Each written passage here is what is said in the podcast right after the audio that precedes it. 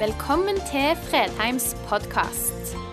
For mer informasjon og ressurser, besøk oss på fredheimarena.no, eller finn oss på Facebook.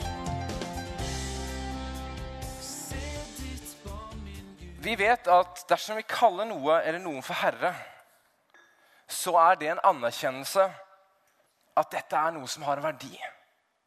Dette har en status, dette har en ærbødighet. Dette har en makt utover det vanlige i mitt liv. Denne personen da har en viss makt som vi nærmest underordner oss. Eller vi ser opp den. Så det han gjør, det vil være et eksempel for det vi gjør. Eller det vi gjør, vil vi måle opp mot Ville han ha gjort det sånn? Eller det kan være ting som er altså blitt herrer i livet vårt. Som styrer oss i de valgene vi tar. Enten vi omtaler det som herre, eller det gjennom livet vårt bare kommer synet fram at dette er herre i ditt og mitt liv. De første kristne ble ganske fort stuck med problem. For de ville ikke bøye seg for keiseren.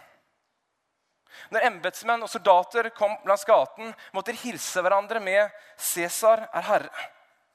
Og så måtte de svare tilbake 'Ja, vår herre er Cæsar'. Men ingen kristne kunne si det. Så når de ble hilst med 'Cæsar og herre', så måtte de svare tilbake 'Nei, Jesus Kristus er herre'. Og det skapte omgående problemer for dem. Ganske enkelt fordi de var underlagt en helt annen myndighet, en helt annen autoritet i sitt liv, først og fremst, enn keiseren. Og i livets valg så var hensyn til Jesus som kom først. Lenge før hensynet til Cæsar.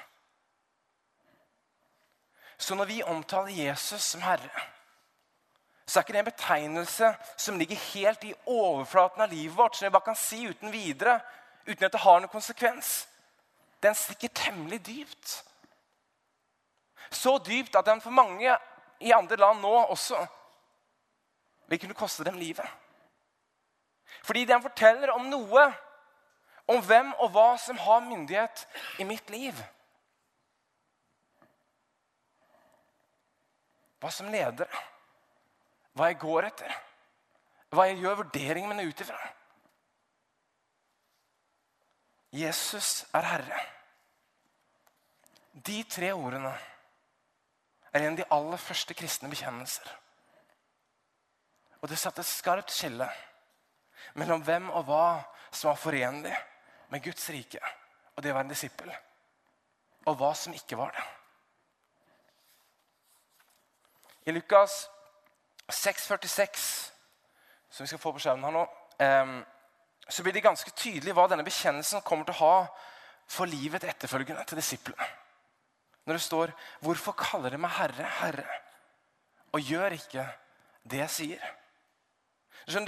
Det å ha Jesus som Herre handler ikke først og fremst om hva jeg og du tenker. Det handler vel så mye om den praksisen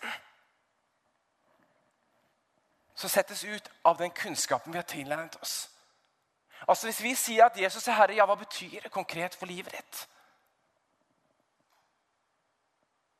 Jeg sier at Jesus er Herre, men jeg handler gjennom alt jeg gjør, om at han ikke er det. Ja, da er han ikke her i livet mitt. Det er ikke mulig. Vi leser videre fra den 46 etter han sier 'Herre, Herre'. Og gjør, hvorfor sier det og gjør ikke det jeg sier? Så skriver han den som kommer, eller sier han, den som kommer til meg og hører mine ord og gjør det de sier. Jeg skal vise dere hvem han ligner. Han ligner et menneske som skulle bygge et hus, og som gravde dypt og la grunnmuren på fjell. Da flommen kom, brøt elven mot huset, men kunne ikke rokke det, for det var godt bygd. Men den som hører og ikke gjør etter det, ligner et menneske som bygde hus på bakken uten grunnmur. Da elven brøt mot huset, falt det sammen med en gang og ble fullstendig ødelagt. Du skjønner, I utgangspunktet virker det rart at, elver, at folk bygger hus der elver bryter mot dem. Det skjer jo av og til i Norge òg, men vi velger ikke konkret å bygge det der. Men de som kjente hvor denne teksten ble til i datidens, på den tidens Palestina, så var det altså elver som tørka ut om sommeren Og det ble fine elveleier, hvor det ble sanddyner. Så, og Der ville det være sand helt til vinteren kom og septemberregnet kom. Og så ville vannet komme som nærmest en flom og ta med seg det som var der. Så en mann da som skulle bare få opp seg et hus, kunne falle for den fristelsen og bygge det nettopp på disse sandpartiene. Noe som vil være lukrativt helt fram til høsten, når flommen kom og tok huset ned. Lukas han var en gresk lege, men Matteus må ha den teksten i sitt evangelie. Han skriver omdefinert litt teksten her, for han sier at han andre han bygde ikke huset på sand i det hele tatt. Han bygde det på fjell. Og på fjell er det vanskeligere å bygge. Det tar lengre tid å bygge. Men han ville fortsatt ha det huset der om vinteren. Etter den flommen hadde kommet. For han hadde ikke bygd huset sitt i de elveleiene hvor flommen kom. Men han hadde bygd et annet sted. Han hadde bygd et sted hvor det kom til å bli stående. Hvor det sto trygt. Å bekjenne Jesus som Herre i vårt liv er å velge å ta seg tid til å bygge grunnmuren i vårt liv på fjell. Og bygge det på en grunn som holder. Ikke bare i dag og i morgen, men resten av våre liv.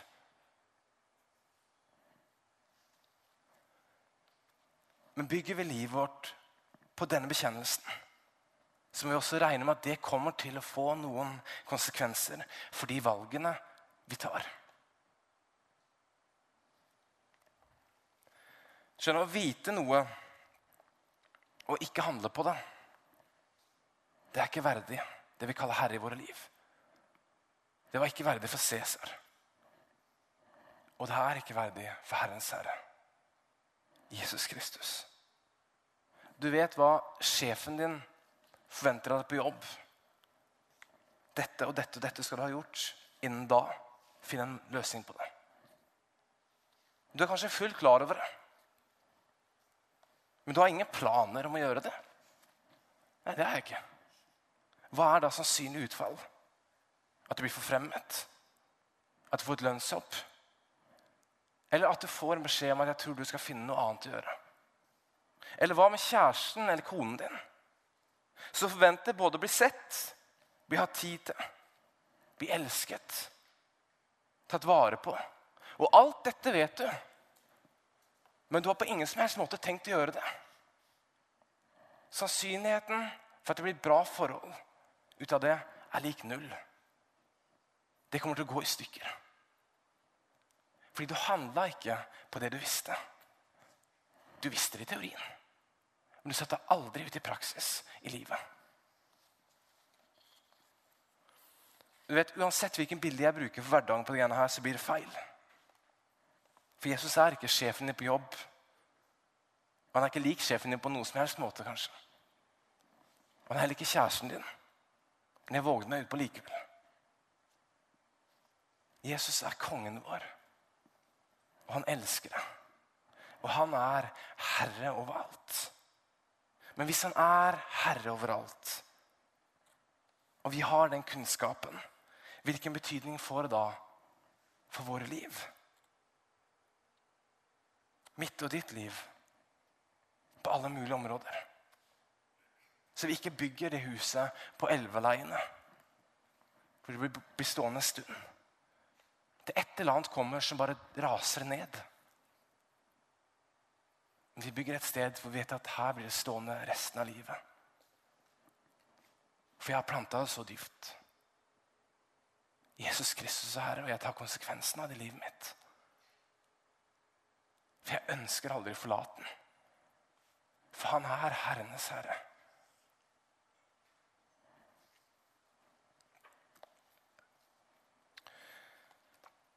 Jeg leser fra Filippene 2, 6-11. Han var i Guds skikkelse og så det ikke som et rov å være Gud lik. Men han gav avkall på sitt eget, tok på seg tjenerskikkelsen og ble menneskelik. Da han sto fram som et menneske fornedet han seg selv til død og ble lydig til døden. Ja, døden på korset.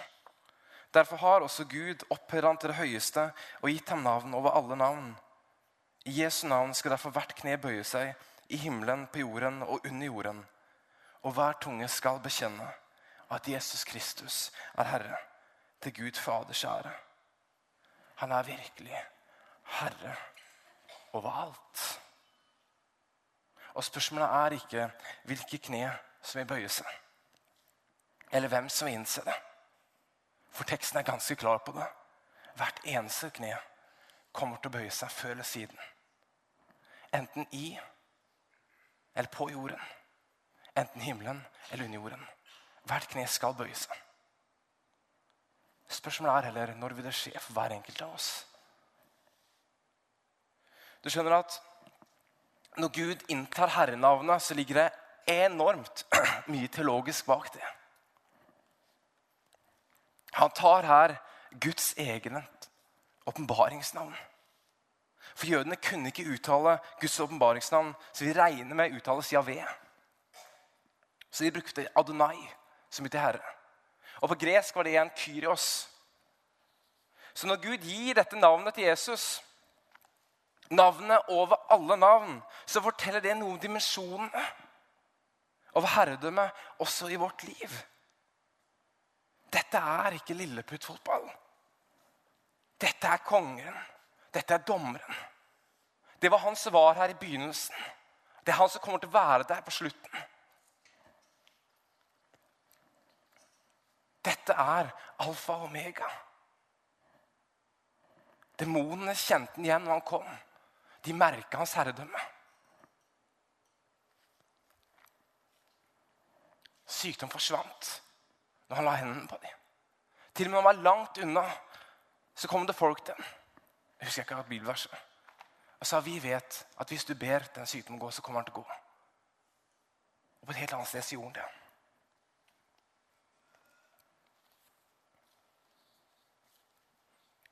Men så er ikke dette en herre som står med pisken for å kaste oss ned.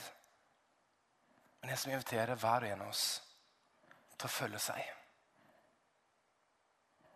Han sier 'kom'. Og så blir vårt valg her og nå hva vil vi gjøre med det? Hva vil vi gjøre med dette herredømmet? Hva gjør vi med dette i våre liv?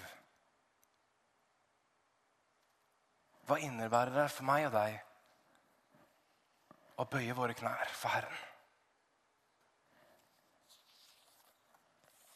De fleste av oss eller nei, jeg skal ikke si de fleste av oss, jeg kommer til å ta det glasset her med vann. Aner ikke om det er sitt, men jeg må ha noe vann. De av oss eh, som har sett noe på Game of Thrones, så vet jeg at de herrene og lordene der de er ikke de de først og fremst ønsker å bøye deg ned for. Det er svikefulle mennesker. Herrenes herre er ikke svikefull. Her er det vakreste av det vakre. Det største av det største. Han er begynnelsen. Han er slutten. Han rommer hele våre liv. Og han elsker oss. I Matteus 12, 13 og videre står det Siden sendte de av fariseerne og herodianerne til ham for at de skulle fange ham i ord. Og de kom og sa, 'Mester, vi vet at alltid du holder deg til sannheten, ikke bryr deg om hva andre synes.'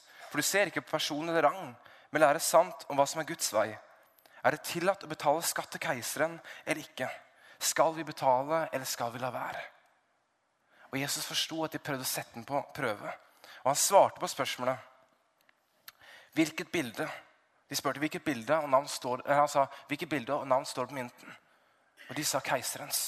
Og så svarer han, gi keiseren det som tilhører keiseren, og Gud det som tilhører Gud. Jeg tror det skal komme på skjermen nå. Gi keiseren det som tilhører keiseren, og Gud det som tilhører Gud. Og de undret seg over ham. Og nå blir spørsmålet mitt til deg. Blås i den mynten. Gir vi til Gud det som tilhører Gud, eller gjør vi det ikke? Du skjønner, De tre ordene 'Jesus er Herre', i det ligger en hel verdensanskuelse. I det ligger det en måte å forstå livet på. Forstå verden på. Forstå alt rundt meg på. Det er tre ord som meg og deg kommer til å bruke et helt liv på å forstå hva det betyr. Og vet du hva? Det er det mest spennende av alt med det å være kristen.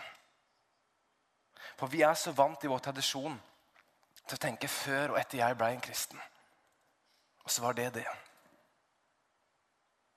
Men proklamasjon av Jesus som Herre kommer jeg og du til å bruke et helt liv på å forstå hva det betyr. Og vi kommer ikke til å komme i havn da heller. Hvis jeg skal gi til Gud alt det som tilhører Gud, så kommer han gjennom sin ånd til å bruke hele litt mitt liv til å lære meg stadig opp i nye sider dette får konsekvenser for. Høres det kjedelig ut? Nei. Vet du hva? Dette er kicket for meg med å være kristen. Ja, det er det. Dette er rushet for meg med å være kristen. Det er helt fantastisk å få lov å merke når han peker på stadig nye områder. Og så kan jeg være uenig med ham. Men så kommer vi kanskje til enighet etter hvert.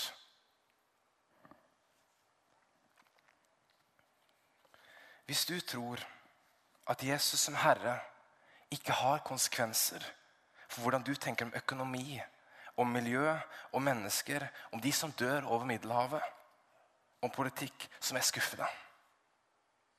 Det har absolutt noe å si om det. Jesus som Herre betyr noe. At Jesus som Herre har betydning for alt i ditt liv. Alt blir nødt til å sette i lys av at Jesus er Herre. Han er kongen, han er Herren i mitt liv. Og du er nødt til å forstå ting gjennom det. Vi kan ikke først og fremst forstå det gjennom partiprogrammer. Eller hva det måtte være. Jesus er Herre. Hva betyr det for meg som kristen?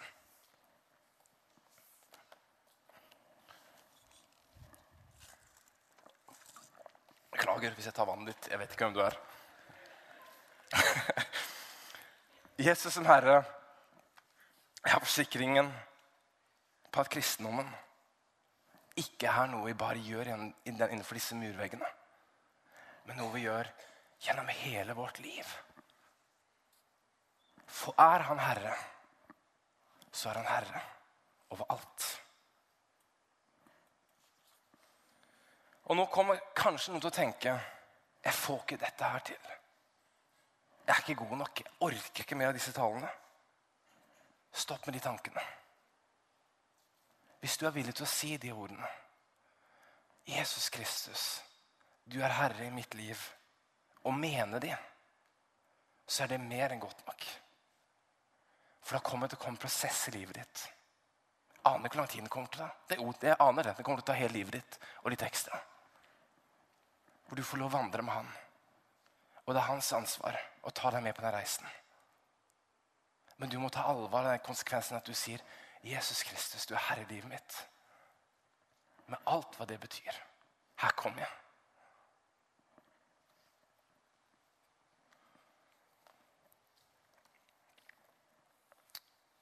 Hva vil det bety for deg? Å gi opp kontroll. Og prøve å lytte til hva han kaller oss til. For det er jo konsekvensen av å kalle ham for herre. Gi opp kontroll over eget liv. Og vi kommer til å bruke mye mer enn et liv på å lære det fullt ut. Tro meg.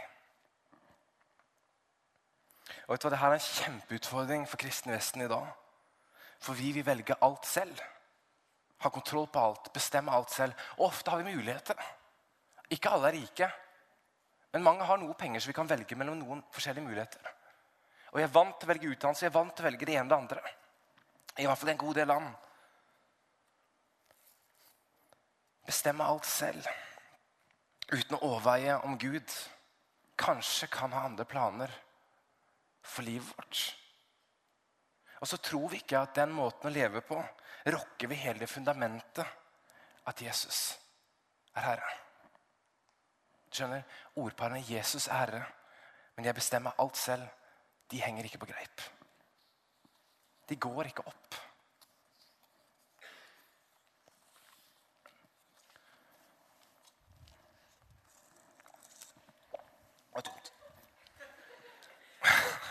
Jeg husker, Det, var ikke, det er ikke planlagt, jeg bare merker at stemmer, stemmen sliter litt. Um, jeg husker akkurat det tidspunktet i livet mitt hvor jeg gav opp og ga ham tilgang til hele mitt liv. Jeg var kristen lenge før det. Men det er noen øyeblikk som setter seg fast i hodet ditt. Og det her skjedde når jeg gikk på bibelskolen på Ansgar. Jeg husker det på soverommet mitt i det øyeblikket jeg sa Jesus. Herlig mitt, jeg orker ikke mer. Og på det øyeblikket I det øyeblikket der tror jeg kan si var da kristendommen og det kristne livet begynte å bli gøy. Før hadde vært bare noe jeg bar med meg. Ja, jeg er kristen. Men i det øyeblikket det begynte å bli gøy. For nå visste jeg at nå kan det komme vendinger i livet mitt. Ting som jeg ikke aner ikke kan forutse. Og En del ganger har også de kommet, og jeg har stoppa dem. En del ganger har jeg gått for dem. Noen ganger har jeg trengt tid til å vende meg på tanken. Du skjønner, Det at jeg står her som prest, er en av de vendingene som jeg kjempet imot. Men jeg gav opp. Jeg klarte ikke mer. Jesus er Herre, og han er interessert i hele ditt liv. Gi til Gud det som tilhører Gud. Strålende. Tusen takk.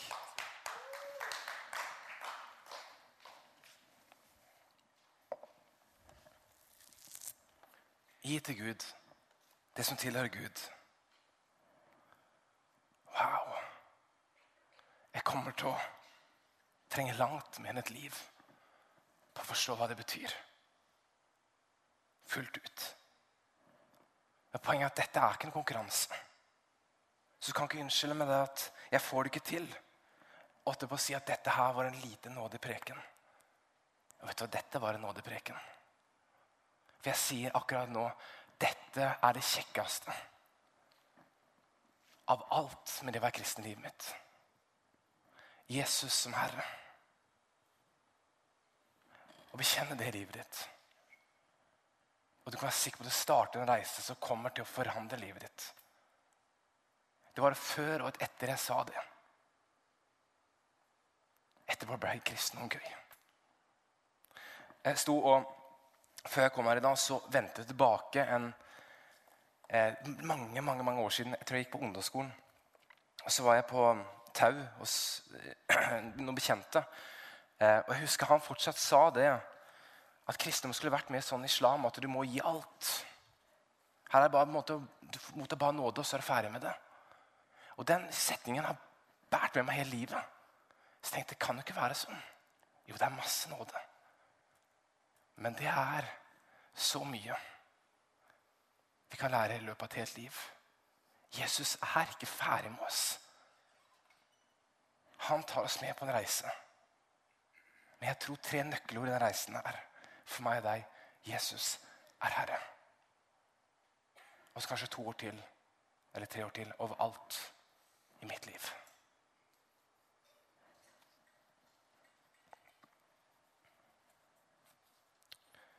Dette er ikke en konkurranse. Spørsmålet er ikke om du får det til. For jeg sa sjøl jeg får ikke fullt til. Kommer aldri til å få det fullt til. Men spørsmålet er om du ønsker at Jesus er herre i hele ditt liv og du er villig til å respondere på det. Fordi det øyeblikket du gjør det, så er du òg nødt til å stå ansvarlig for det i møte med Jesus. Ikke overfor de rundt deg. Det er det som er problemet vårt. Vi tenker alltid må vise for de andre. Nei, du må først og fremst vise det for Jesus. Eller skal vi bli en av de som sier 'Herre, Herre', men ikke gjør det han sier? Før kan jeg bare gå inn på noen praktiske eksempler. Før hadde ikke jeg brukt en krone mer enn jeg måtte. Jeg var eh, gjerrig, egoistisk. Det er fortsatt sikkert til dels. Men det å gi til kirken min, til fattigdomsbekjempelse det har forandra mitt liv til noe ekstremt mye, mye mer positivt. Hvorfor begynte jeg med det? Fordi jeg en gang tilbake på det rommet sa Jesus, du er herre over alt. Og etter hvert forsto jeg at oi, pengene er en del av det. Så gikk jeg skritt for skritt. Skjønner, Hvis du ikke gjør det, hvis ikke du er med på det, gi tilbake for det du har, du går glipp av noe. Disse tingene har en makt over seg som du gir, som delvis gir slipp på idet vi begynner å gi det til noe. Og legg merke til Når jeg sier ikke du skal gi det hit, jeg sier gi det til menigheten, til kirken din, gi det til fattigdomsbekjempelse. Men gi det. For det kommer til å forandre synet ditt på det.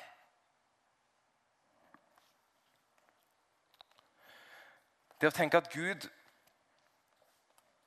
har en tanke om hvordan jeg skal tenke og hvordan jeg skal behandle min kone og mine barn. Jeg er helt overbevist om at jeg har gjort meg til en bedre ektemann og pappa enn det jeg ville vært hvis ikke. Jeg er ikke noe perfekt eksempel. Hadde fulgt meg da, så hadde jeg sikkert rista på hodet flere ganger. Men jeg vet det er bedre nå enn det jeg hadde vært hvis ikke jeg så det lyset av Kristus. Han gjør meg til et bedre menneske. Det å tro og stole på at Gud holder sin hånd over oss i perioder i livet hvor det stormer. Jeg har opplevd det noen ganger. At det stormer. Og se at han faktisk gjør det. Det har gjort meg til en mindre stresset person. Jesus er Herre. Jeg gir opp. Du har kontroll over mitt liv. Og så feiler jeg av og til. Jeg er ikke feilfri. Men det har gjort noe med livet mitt som jeg er så enormt takknemlig for. Jeg kunne tatt mange flere eksempler.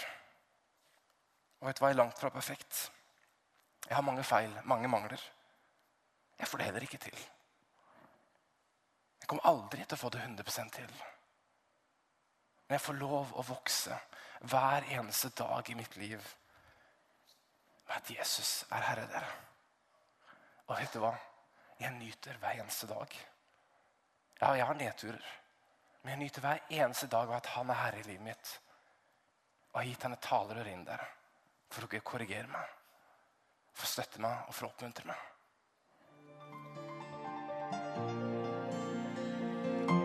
Takk for at du valgte å høre på. Nye opptak legges ut hver uke. Vi har gudstjenester hver helg, og du er hjertelig velkommen.